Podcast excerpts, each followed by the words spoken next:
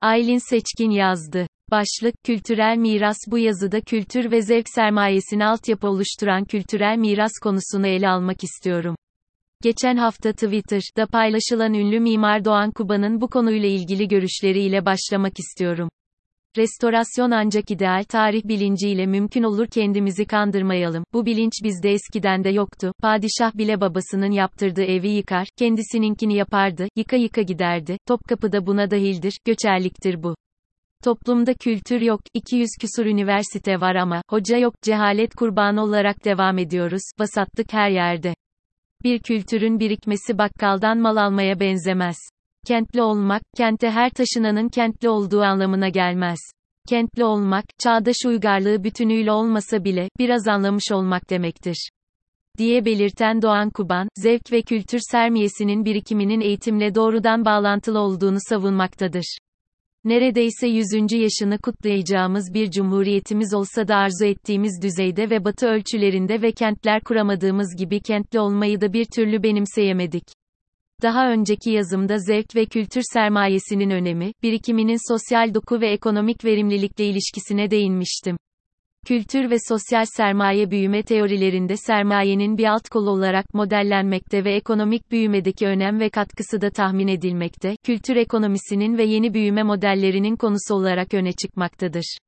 Kültür sermayesi ve kültürel miras aslında hem soyut hem de somut kavramları içine alır. Kültürel miras, bir topluluk tarafından geliştirilen ve gelenekler, uygulamalar, yerler, nesneler, sanatsal ifadeler ve değerler dahil olmak üzere nesilden nesile aktarılan yaşam biçimlerinin toplam ifadesidir. Kültürel miras genellikle fiziksel ve soyut kültürel miras olarak ikiye ayrılır. İnsan etkinliğinin bir parçası olarak kültürel miras, değer sistemlerinin, inançların, geleneklerin ve yaşam tarzlarının somut temsillerini üretir. Bir bütün olarak kültürün önemli bir parçası olan kültürel miras, antik çağlardan yakın geçmişe uzanan izlerin tümüdür. Yapılı çevre, binalar, şehir manzaraları, arkeolojik kalıntılar, doğal çevre, kırsal peyzajlar, kıyılar ve kıyı şeritleri, tarımsal miras ve eserler, kitaplar, belgeler, nesneler, resimler olarak üç grupta toplanabilir. Tarihi sarayları, camileri, ören yerlerini, sınırlı sayıda günümüze ulaşan sivil mimari unsurları korumaya çalışıyoruz. Yeme içme adetleri, eğlence ve yas ritüellerimiz değişime uğrasa da hızla yok olan doğa mirası yanında hala korunabildikleri için oldukça şanslılar. Maalesef, doğanın, ormanların, özel mülkiyete ait sivil mimari öğelerin hoyratça yok edildiği süreçten geçiyoruz. Peki ama neden? Kültürel mirasımızın neden farkında değiliz? Bu noktada birkaç tespit yapmakta fayda var, özellikle temel eğitimde okul öncesi ve ilkokul seviyesinde kültürel miras, bireyin hak ve sorumluluk kavramlarının çocuklara verilmesi gerekir. Bu noktada kültürel miras, kültür sermayesi biriktirme bilincinin sadece aileye bırakılmaması gerekir. Burada Doğan Kuba'nın da vurgu yaptığı en önemli konu eğitim. Kültürel mirasın korunması ve sahiplik ve kültürel aidiyet hissinin yeşertilmesi, geliştirilmesi okul öncesi ve ilkokul eğitiminde mutlaka verilmesi gereken temel eğitim unsurlarından olmalıdır. 2019 verilerine göre Türkiye yıllık öğrenci başına 4168 dolar harcarken OECD ortalaması 8470 dolar olduğunu hatırlatalım. İkinci önemli Türkiye'de nokta kültür mirasının koruma sorumluluğunun çoğunlukla yerel ve merkezi yönetimlere bırakılmış olması. Birey seçimlerden seçimlere hatırlanan, bunun dışında hele kültürel miras, tarihi ve doğal kaynakların korunması, gelecek nesillere aktarılması, onarılması konuları söz konusu olduğunda fikrine hiç başvurulmayan, bu sebeple de demokratik haklarını eksik kullanan paydaştan öte değil. Son kertede, en geniş anlamda kültür sermayesinin korunması da, sorgulamayan, felsefe eğitimi değil dini eğitiminin odağına alan kesimlerin, gönüllü ihmali, ile seçilmiş ve atanmış grupların tercihlerine bırakılıyor. 20 yıldır iktidarda olan AKP hükümeti, özellikle kendi politikasını destekleyen sermaye kesimlerine, toplu konut idaresi ve emlak konut kurumları üstünden özellikle İstanbul ve kıymetli parseller üzerinden servet transferi yaratmayı hedefledi ve halen de bu süreç hız kesmeden devam etmekte. 8 bin yıllık bir kent olan İstanbul'un kültürel sermayesini yeterince koruyamıyoruz. Nokta. En sıcak örnek ise müze iken yeniden camiye çevrilen Ayasofya ve zarar gören kapısı, arması, kapısı, çerçevesi. İstanbul son dönemde 3. Köprü, İstanbul Havalimanı, Kanal İstanbul gibi dev projelerle hızla ormansızlaştırılmakta. Sadece İstanbul Havalimanı için 13 milyon ağaç kesildiğini biliyoruz. Bundan 50 yıl önce yaklaşık 270 bin hektar olan İstanbul'un orman varlığı bugün 240 bin hektara kadar geriledi. Kentsel dönüşümle bitmek bilmeyen yeni arazi rantı şehri dikeyde yükseltirken bir yandan da yayılarak büyümesine sebep oldu. Hazine arazileri lüks konut, AVM, rezidans, ofis inşaatı ile hızlıca betonlaşmanın tuzağına düştü.